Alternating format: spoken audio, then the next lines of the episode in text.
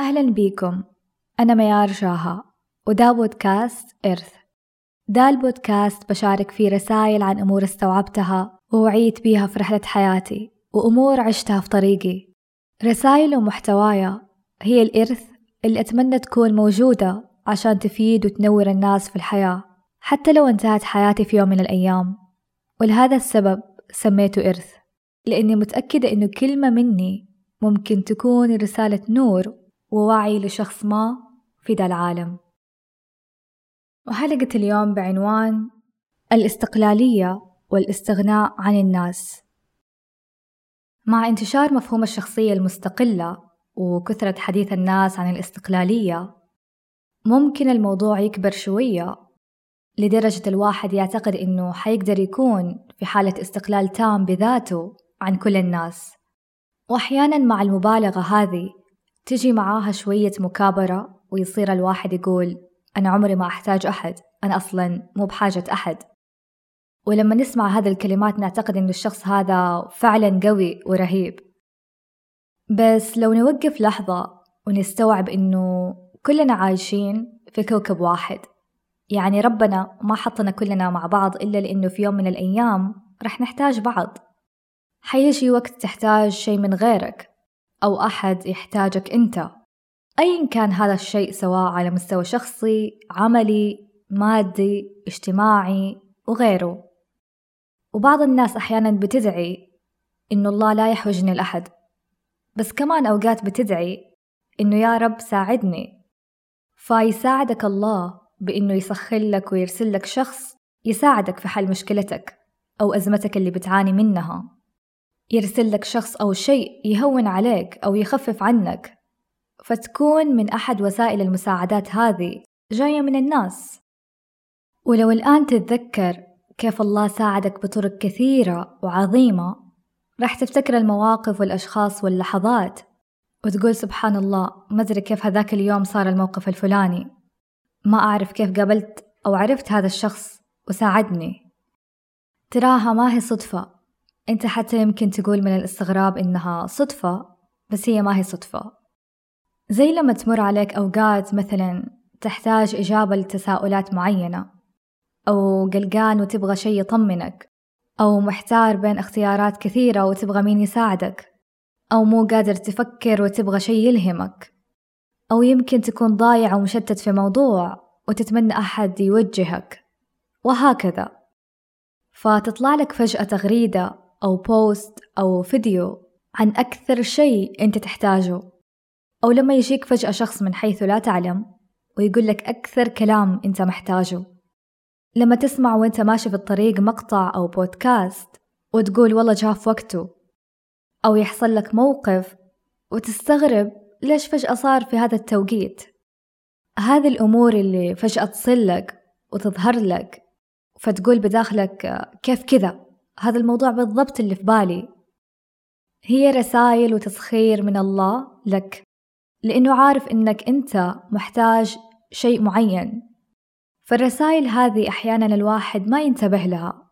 الأشياء والناس اللي ظهروا لك وساعدوك يمكن ما تكون منتبه لهم. فعشان تصير منتبه أكثر كن عارف إنه كل شيء يحصل معاك مو صدفة. ولما تتساءل بينك وبين نفسك يا ترى ليه هذا الشي صار؟ الآن ليه الكلام جاء في هذا الوقت؟ لما تفكر وتبدأ تربط الأمور ببعضها وتركز ممكن تلاقي إجابة. حتلاقي إنه الله بيساعدك بطرق مختلفة. لأنه فعلا صارت معاي كثير. أحيانا يكون في موضوع في راسي وفجأة أجلس على جوالي وألقى بالضبط شيء أو شخص يفيدني في هذا الموضوع. أحيانا أبغى شيء معين مثل المواساة أو شيء يهون علي أو شيء يسعدني شيء يلهمني ويوعيني وغيره. وألقى في نفس الوقت أو في نفس اليوم يظهر شيء يعطيني الشيء اللي أنا كنت محتاجته. وأعتقد إنه صارت معاكم كثير. فتأكد إنه ما في شيء في حياتك بيحصل صدفة. الموقف اللي حصل لك الكلمة اللي وصلتك الصفحة اللي قرأتها. المقطع اللي سمعته الشخص اللي جاك فجأة تراها كلها هذه أشياء الله راسلها لك. عشانك. وترى نحن موجودين مو عشان بس الناس يعطوك وتاخذ من الناس. عشان انت كمان رح تعطي غيرك ورح يحتاجك غيرك. ممكن انت الله يسخرك لشخص وانت مو عارف هذا الشيء. ويكون الشيء اللي سويته له أكثر شيء هو محتاجه. يمكن فرجت همه أو أنقذته من شيء أو هونت عليه أو عطيته شجاعة أو أدخلت في قلبه السعادة أو ألهمته في الحياة. ما تدري. أحيانا أنت على ال social media تنشر شيء أو تكتب شيء ويكون هذا الشيء اللي سويته هي رسالة عشان تساعد شخص وهذا الشخص يمكن حتى ما تعرفه. فلا تستهين بوجودك وبالأشياء اللي تسويها لغيرك. ما تعرف. أنت ممكن الله مسخرك في مكان أو لناس عشان تعطيهم شيء عظيم حتى لو كان بسيط. وترى وجود بعضنا البعض مو فقط محصور على الأوقات الحزينة أو الصعبة وإنه بس نساعد بعض ونحل مشاكل بعض. لا حنحتاج بعض حتى في الأوقات الحلوة. يعني الإنسان يحب الونس. أنت تبغى تنبسط وتضحك مع غيرك. تبغى يكون عندك أشخاص في حياتك يعطوك شعور حلو. تبغى تحس إنه عندك سند وناس يدعموك. تبغى تصنع ذكريات ولحظات حلوة مع أهلك أحبابك أصحابك. تبغى شخص يشاركك حزنك يشاركك فرحك يشاركك حتى في تفاهاتك. تبغى شخص يسمع لك تبغى تحس إنك مفهوم ومسموع حتى مو بالضرورة يحل مشكلتك. فهي رغبات طبيعية فينا نحن البشر. الإنسان يبغى أشياء كثيرة غيرها. مهما قال إنه ما يبغى شي من أحد وإنه ما راح يحتاج أحد. فيعني بلاش نضحك على بعض. ما تقدر تكون مستغني ومستقل مية بالمية عن البشر. فغير جملة أنا أبدا ما أحتاج أحد في كمان جملة أنا وصلت لكل شي بنفسي بدون ما أحتاج أحد. أنا بنيت نفسي بنفسي بدون أحد. ومن هذه العبارات اللي كمان مبالغ فيها وبالنسبة لي كمان ما هي واقعية. وأنا أقول لك ليش. لأنه مهما وصلت لمكانة وحققت أشياء في حياتك وتطورت في جوانب مختلفة من الحياة وصرت إنسان مثقف واعي وناضج وصرت للإنسان اللي أنت عليه اليوم ومهما تقول أنا صرت بهذا الشخص ووصلت للي أنا فيه لوحدي وبنفسي تبقى الحقيقة إنه في ناس ساعدوك ناس علموك بأي شكل من الأشكال. وكان لهم دور فيك أنت كإنسان. في ناس لهم فضل في حياتك بعد فضل الله عليك. فما أشوف تفكير أنا وصلت بدون أي أحد هو تفكير واقعي. في جنود مجهولين ورا كل إنسان وأنا أسميهم جنود مجهولين لأنه الشخص غالبا راح يظهر بصورة أو يصير بإنسان بس ما راح تظهر الأشياء والناس اللي ساهمت في إنه يكون بهذا الإنسان. غالبا نحن رح نشوف النتيجة اللي وصل لها الشخص بس ما نعرف باقي الأدوار اللي ساهمت في هذه النتيجة. وهذول الجنود قد يكونوا أحد من أهلك وقف معاك صديقك أو شريكك اللي دعمك معلمك اللي درسك مختص أو خبير أرشدك أو شخص غريب ألهمك. وسواء كان هذا الدعم مادي أو معنوي من أشخاص تعرفهم أو ما تعرفهم وسواء كان لهم دور في تفكيرك نفسيتك صحتك نجاحك شغلك وعيك إلى آخره. فالأشياء هذه ما لقيتها كذا لوحدها بل لقيتها بوقفة شخص معاك بكلام ساعدك توعى بنصيحة أنقذتك أو حساب تابعته أو كلام سمعته أو كتاب قرأته جلسة أشخاص تعلمت منهم حوارات خطها وأمور كثيرة غيرها. كان وراها ناس. فمو معقولة كل شيء أنت فيه الآن كان فقط من نفسك أنت. مستحيل. وفي أشياء كثيرة ما كانت حتكون لو ما كان في ناس ساهمت فيه. يعني المشهور ما كان حيكون بصفر من الجمهور. الكاتب ما حيكون لو ألف كتاب وما كان له قراء. لأنه كل مؤثر وراه متابعين. كل مشهور وراه جمهور وكل متحدث وراه مستمعين كل شركة وراها موظفين وعملاء وهكذا. فإذا أنت منهم فاعرف إنه في ناس وصلوك بعد الله لهذا المكان. فما في شيء اسمه أنا وصلت لوحدي وبنفسي تماما. صح إنه أنت لك تعبك ومجهودك عشان توصل للي وصلته بس كمان في ناس ساعدوك في رحلتك فكون ممتن لهم. فحلقة اليوم هي رسالة عشان نخفف من المبالغة في هذه المعتقدات وما نضخم أحد الجوانب عن حجمها بحيث إن الواحد ما يبالغ من جانب ويقول أنا ما أحتاج أحد أبدا ولا يبالغ من جانب ثاني ويقول أنا دائما بحاجة الناس وما أقدر أسوي شي بنفسي فيصير إنسان اتكالي. أو يقول أنا وصلت لكل شي بنفسي ويجحد الناس اللي ساعدوه. ولا يبالغ من جانب ثاني ويقول أنا ما سويت شي وكله بفضل الناس ويجحد حق نفسه. فنحاول نوازن بين الجانبين ونعرف إنه نقدر نستقل ونعتمد على نفسنا بنسبة ونقدر نجتهد ونشتغل على نفسنا بنفسنا ونبني حياتنا. وفي المقابل في نسبة رح نحتاج فيها لغيرنا لأنه مستحيل الشخص يقدر يسوي كل الأدوار في حياته. إلا ما في أمور راح يعتمد ويفوض أدوار أخرى لغيره. وكل واحد له نسبته وطريقته في الموازنة بين الفكرتين فكرة الاستقلالية والمشاركة وفكرة الاستغناء والاحتياج. أصلا الفكرة ما أقدر أحددها بأرقام لكن أهم شي ما يصير مثلا يا صفر بالمية يا مية بالمية. لأنه بعض الأحيان أشوف في السوشيال ميديا محتويات وناس تشجع على مفهوم الاستقلالية في كل شيء. فالواحد خلاص يكبر راسه وينظر للناس كده باحتقار اللي أصلا أنا ما أحتاجك. أو يشجعوا على العزلة وإنه نفسك فقط هي الأهم وما حد بينفعك من الناس أقطع علاقاتك أو لا تضحي أبدا وإلى آخره. فخلاص يكبر الأنا بداخل الشخص وما يشوف إلا ذاته وما يهتم غير بعلاقته بنفسه. وأنا مو ضد هذه الأفكار لكن ضد التضخيم فيها أو فهمها بصورة بعيدة عن الواقع. لأنه في الواقع علاقتك بنفسك مهمة وعلاقتك بغيرك كمان مهمة أهلك أحبابك أصدقائك وغيرهم. هذول ناس حولك أنت عايش معاهم. وإنك تكون حاط نفسك أولوية ويكون عندك أشياء أساسية في حياتك ما تضحي فيها برضو شي مهم. مثل دينك قيمك مبادئك وغيرها. بس كمان في ظروف في الحياة تخليك تغير أحيانا ترتيب أولوياتك شوية. يمكن تحصل ظروف صعبة يمكن تحصل ظروف مرضية وغيرها. وبيجي كمان أوقات رح تضحي بأشياء زي وقتك شوية من شغلك تضحي برفاهية معينة وغيرها من الأمور.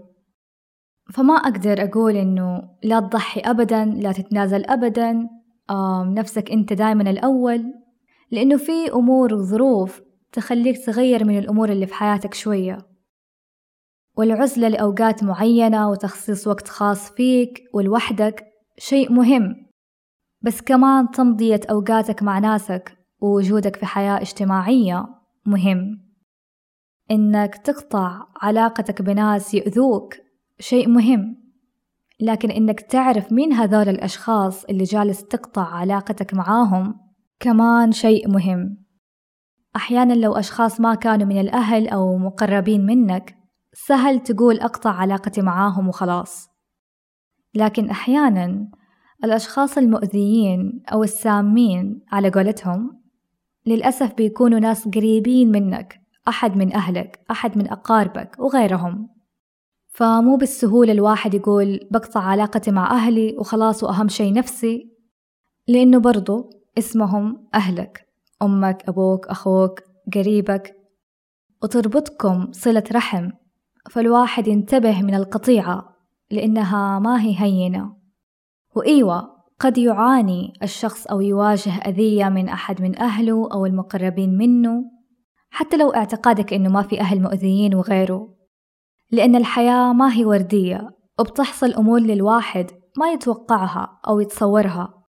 فهنا يقدر الشخص يطلب المساعدة من مختص أو معالج نفسي وياخذ طريقة التعامل الصحيحة معاهم ويتعلم وضع الحدود المناسبة لحالته وكيف يتشافى من مشكلته اللي يعاني منها. مو بس ياخذها من النصايح المنتشرة بين الناس على ال social media ويلا نقطع كل علاقاتنا السامة بدون أي تفكير.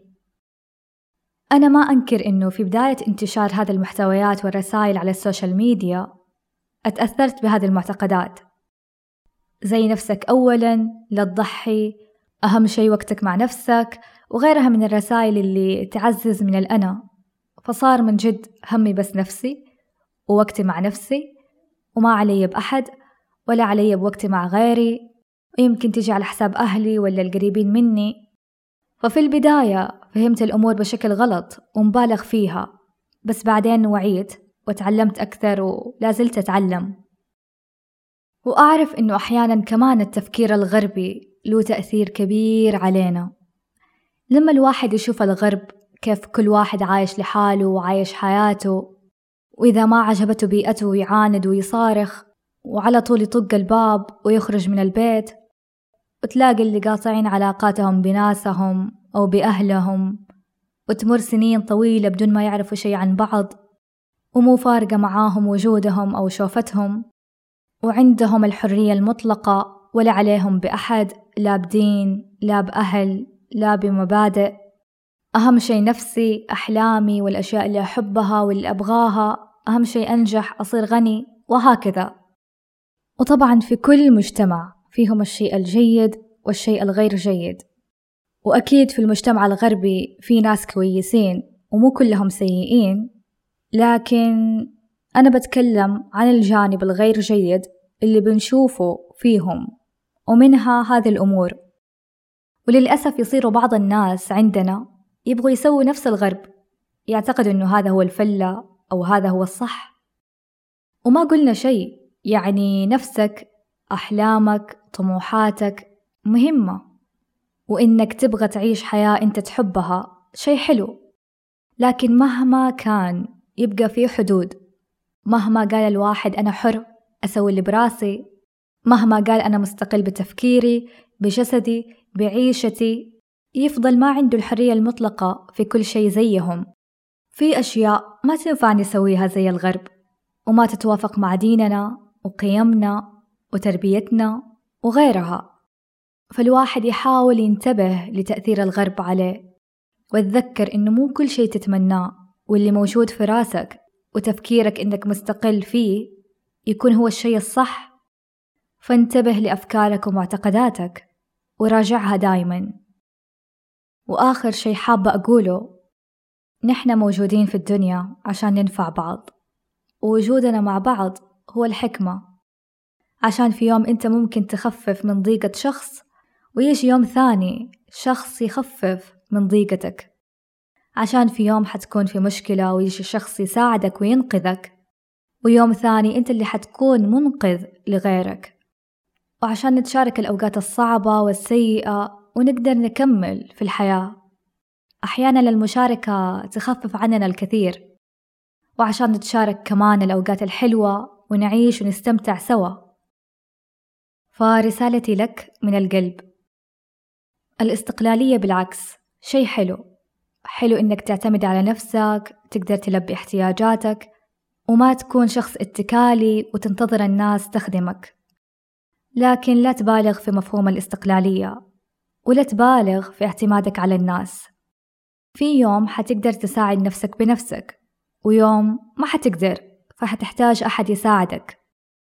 لو كان الواحد يقدر يستقل بذاته بشكل كامل لو كان الواحد فعلا مستغني ومو بحاجة أحد كان كل واحد فينا عاش في كوكب لحاله وانتهينا.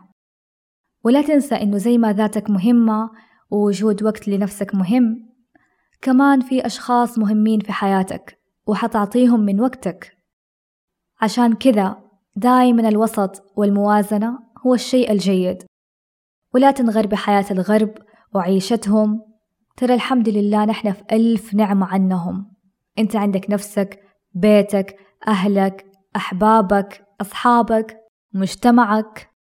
وشي حلو لما نحس ببعض ونحس إننا موجودين ومسخرين لبعض. بدل ما التفكير المبالغ فيه يخلينا نوصل لدرجة ممكن نجحد الناس اللي حوالينا. اللي لو طلبنا منهم حاجة حيكونوا مستعدين يخدمونا بقلبهم.